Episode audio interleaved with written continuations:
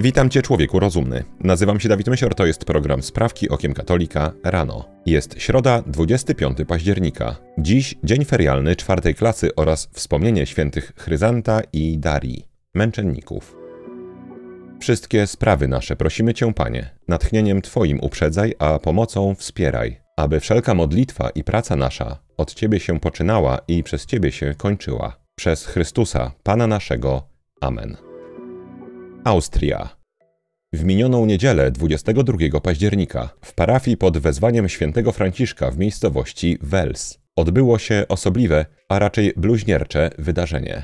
Nabożeństwo polityczne, bo taką nazwę nosił ów event, miało na celu przybliżenie parafianom tematu homoseksualizmu poprzez jego nachalną promocję. Poza zaplanowanymi grami i zabawami w trakcie nabożeństwa głos zabierali przedstawiciele różnych organizacji. Prócz katolickiego kapłana przemawiali m.in. przedstawiciele organizacji Homoseksuele Inicjative, od lat promującej ideologię LGBTQ i inne literki. Może powtórzmy tym razem z rozwinięciem tego skrótu. Prócz katolickiego kapłana przemawiali m.in. przedstawiciele organizacji Homoseksuele Inicjative, od lat promującej ideologię lesbijek, gejów, biseksualistów, transseksualistów, osób queer i innych, tak zwanych mniejszości seksualnych. Organizatorzy starali się przekonać uczestników, jakim złem jest fakt, iż wielu młodych ludzi obawia się ujawnić światu swoje skłonności. Zachętą do odwagi dla ukrytych homoseksualistów poza pararodzinną atmosferą były też kolorowe naklejki z napisem Pod Bożym niebem każdy ma miejsce. Watykan. Jako, że trwający właśnie synod o synodalności dzieje się w zasadzie za zamkniętymi drzwiami, pewną zapowiedzią nadchodzących zmian może być wywiad udzielony przez kontrowersyjnego i ultraliberalnego prefekta dykasterii nauki wiary, kardynała Wiktora Fernandeza, udzielony konserwatywnemu portalowi LifeSite News. W rozmowie z panem Michaelem Heinsem hierarcha został zapytany wprost o swoją opinię na takie kwestie jak na przykład błogosławienie par jednopłciowych. Hierarcha odpowiedział: Być może takie pary również potrzebują błogosławieństw. Nie jedna, ale dwie osoby, które o nie proszą, bo chcą być wierne wobec Boga, lepsze, chcą wzrastać w chrześcijańskim życiu. Błogosławieństwo nie jest sakramentem. Powiedzmy to jeszcze raz innymi słowami. Dwóch homoseksualistów prosi Kościół Święty o pobłogosławienie swojego związku. Kardynał Fernandez mówi, że być może potrzebują oni błogosławieństw, bo chcą być wierne Bogu i chcą wzrastać w życiu chrześcijańskim. Musi być to jakaś głębsza teologia. Dotychczas Watykan stosował metodę wygłaszania szokujących, rewolucyjnych opinii, a następnie tonowanie ich słowami rzecznika. Natomiast kardynał Fernandez wydaje się już otwarcie potwierdzać, jakie jest jego stanowisko w tej sprawie, a przypomnijmy, że jest prefektem dykasterii nauki wiary. Trzecia sprawka to krótka żywotów świętych dawka. Dziś wspomnienie świętych Chryzanta i Darii, męczenników. O ich życiu wiadomo niewiele. Wspomina ich wczorajsze martyrologium rzymskie, odczytywane podczas prymy, w którym czytamy. W Rzymie męczeństwo świętych Chryzanta i Darii, po wielu mękach, jakich doświadczali za stałość w wierze, cesarz Numerian polecił ich wrzucić do dołu i zasypać ziemią i kamieniami. Tradycja przekazuje, że Chryzant był synem jednego z rzymskich senatorów. Przypadkiem natrafił na manuskrypt z tekstem Ewangelii. Po jego przeczytaniu nawrócił się i pragnął przyjąć chrzest. Ojciec Chryzanta w gniewie uwięził syna, nakazując sprowadzać do jego celi kurtyzany. Święty nie uległ jednak pokusie, więc senator nakazał mu poślubić pogańską kapłankę, czyli westalkę, o imieniu Daria. Ich dziewicze małżeństwo doprowadziło do nawrócenia także i Darii. Wkrótce o świętych małżonkach dowiedział się sam cesarz Numerian, który nakazał torturami wymusić na nich wyrzeczenie się wiary, a gdy to się nie powiodło, uśmiercić ich poprzez zakopanie żywcem. Święci Chryzant i Daria są patronami sędziów.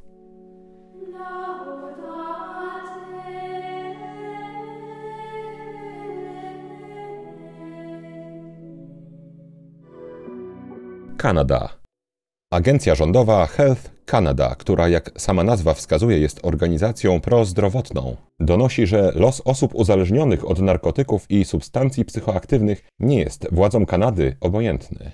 W związku z tą troską już na wiosnę przyszłego roku znowelizowana zostanie uchwalona w roku 2016 ustawa o medycznym wspomaganiu umierania. Na mocy nowych przepisów dostęp do eutanazji będą mieć nie tylko pacjenci cierpiący na ciężki i nieuleczalny stan chorobowy, ale i ci, których jedynym schorzeniem jest choroba psychiczna, w tym także spowodowana zaburzeniami związanymi z przyjmowaniem takich substancji jak na narkotyki.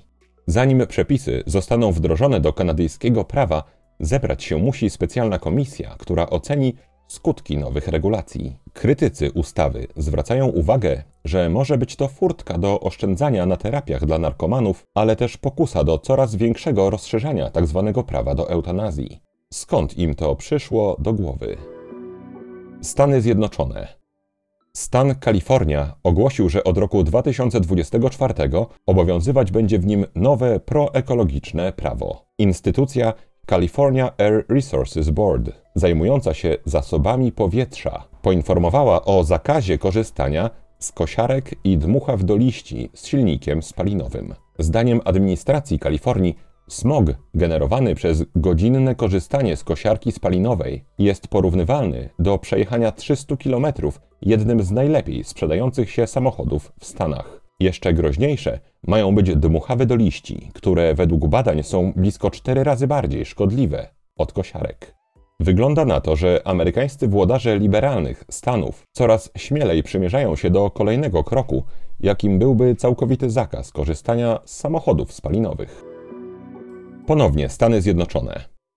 Międzynarodowe korporacje oraz instytucje coraz bardziej przyspieszają z realizacją klimatystycznej agendy. Jedną z takich instytucji jest położony w stolicy Stanów Zjednoczonych Bank Światowy, który zapowiedział znaczne zwiększenie nakładów na udzielanie pożyczek finansujących projekty związane z dekarbonizacją. Jak zapowiedział szef instytucji pan Ajay Banga, Bank Światowy przeznaczy na ten cel dodatkowe 15 miliardów dolarów. Uzasadniając swą decyzję, pan Banga stwierdził, że Zmiany klimatu są dziś najpoważniejszym społecznym problemem, powodującym między innymi ubóstwo. Jeżeli, mój drogi słuchaczu, ci się nie przelewa, być może pocieszy cię to, że pan Ajay Banga odkrył przyczynę. Ubóstwo na świecie spowodowane jest najpoważniejszym społecznym problemem, czyli zmianami klimatu. Polska w miniony czwartek opublikowane zostało oficjalne stanowisko przewodniczącego Konferencji Episkopatu Polski arcybiskupa Stanisława Gondeckiego oraz przewodniczącego Komitetu Episkopatu do spraw dialogu z judaizmem kardynała Grzegorza Rysia w kwestii ostatnich wydarzeń na Bliskim Wschodzie. W swoim oświadczeniu hierarchowie zajęli bardzo wyraźne i jednoznaczne stanowisko, wyrażając solidarność z narodem Izraela. W opublikowanym dokumencie czytamy: Wraz z całym Kościołem w Polsce wyrażamy ból i głęboką solidarność z narodem Izraela, zaatakowanym w nieludzki i bezwzględny sposób przez Hamas. Stanowczo i całkowicie potępiamy zarówno terrorystyczny atak, jak i uwięzienie przetrzymywanych w gazie zakładników. Choć autorzy pisma napomknęli także o ofiarach po stronie Palestyny, treść oświadczenia ewidentnie stawia polskich biskupów po stronie nieprzychylnego katolicyzmowi i od dziesiątek lat brutalnie pacyfikującego Palestynę, Izraela. Może lepiej nie mówić tego palestyńskim chrześcijanom, którzy zamieszkują tamte ziemię nieprzerwanie od czasów Chrystusa. Ponownie Polska. Trwają powyborcze rozmowy koalicyjne pomiędzy dotychczasowymi siłami opozycji, które w nowej kadencji Sejmu prawdopodobnie będą w stanie uzyskać parlamentarną większość. W związku z tym pojawia się szereg postulatów, które miałyby zostać zrealizowane w ciągu najbliższych lat. Jednym z nich, jak zapowiedział wiceprzewodniczący partii Polska 2050 pan Michał Kobosko, jest zmiana prawa dotycząca handlu w niedzielę. Choć liberalna część opozycji z Platformą Obywatelską na czele planowała całkowitą likwidację tzw. Tak niedziel niehandlowych, to zarówno Trzecia Droga, jak i Lewica gotowe są podjąć kompromis w tej sprawie. Jedną z propozycji trzeciej drogi jest uczynienie dwóch niedziel w miesiącu handlowymi. Lewica natomiast gotowa jest zgodzić się na całkowite zniesienie tego zakazu, pod warunkiem zwiększenia wynagrodzenia pracowników o 250%. Choć w obliczu innych zagrożeń. Temat niedziel handlowych może wydawać się błahy, to jeżeli jako naród zaczniemy znowu kupczyć w każdy dzień pański i zmuszać pracowników handlu detalicznego do pracy w niedzielę, to nie jest to sprawa dla duchowej kondycji Polski obojętna. Ostatnia sprawka to krótka rozprawka. Nawet najwięksi optymiści mogą mieć problem z zaprzeczeniem temu, że żyjemy w niespokojnych czasach.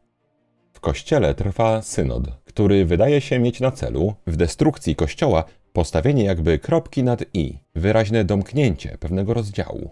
Równocześnie sporo mądrych źródeł wskazuje, że może nie udać się nam uniknąć III wojny światowej. W tym samym czasie Unia Europejska kontynuuje kroki w celu pozbawienia państw członkowskich prawa weta i nie jest jasne, jak Polska miałaby się temu przeciwstawić. Zanim, mój drogi słuchaczu, zbierzesz myśli, co tak naprawdę to mogłoby dla Polski oznaczać. Zmienię temat i przypomnę Ci, że równolegle Światowa Organizacja Zdrowia i Organizacja Narodów Zjednoczonych usiłują dopiąć tzw. Tak traktat pandemiczny. Trudno zmierzyć, która z tych zmian bardziej ograniczy autonomię Polski. To wszystko dzieje się w czasie, w którym w Polsce oddano władzę ludziom, którym owa autonomia Polski ciąży chyba jeszcze bardziej niż za granicy.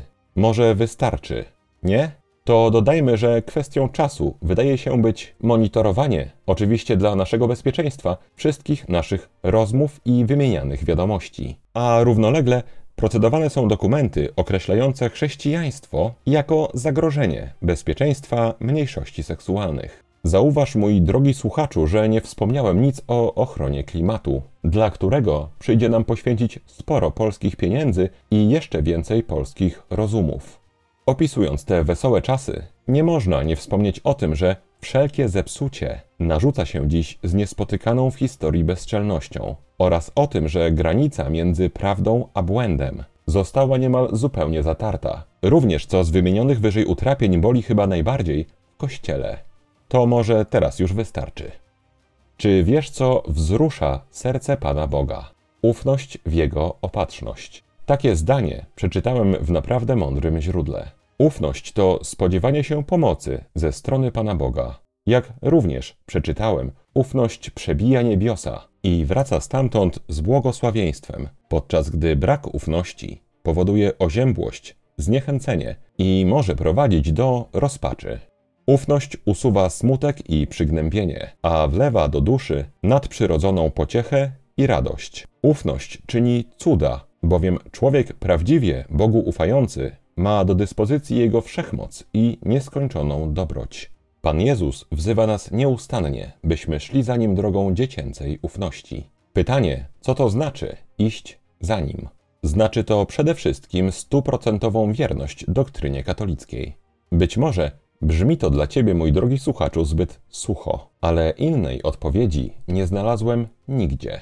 I wcale nie jest ona tak sucha, jak się może wydawać. Wierność doktrynie to wierność Słowu. Wierność Słowu to poznawanie Pana Boga. Poznawanie jest fundamentem relacji, a w porównaniu do relacji z Panem Bogiem, cały zamęt tego świata będzie dla człowieka jak burza szalejąca za oknami bezpiecznego domu.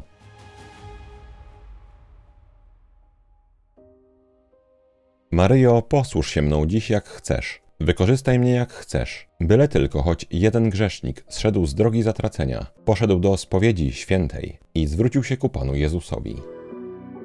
To na dzisiaj wszystkie sprawki okiem katolika rano. Jeżeli chcesz nam pomóc, daj proszę łapkę w górę pod tym filmem na YouTubie i napisz komentarz. Jeżeli chcesz wesprzeć zespół sprawek okiem katolika najmniejszą chociaż kwotą, to szczegóły jak można to zrobić znajdują się w opisie tego odcinka. Wszystkim patronom bardzo dziękuję. Mój drogi słuchaczu, życzę Ci błogosławionego dnia. Święci Chryzancie i Dario, módlcie się za nami.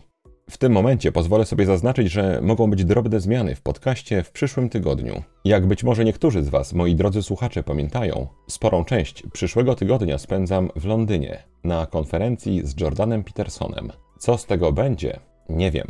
Tymczasem, człowieku rozumny, trzymaj się, nie łam się i bardzo Ci dziękuję za Twój czas. Mam nadzieję, że do usłyszenia jutro. Zostań z Panem Bogiem.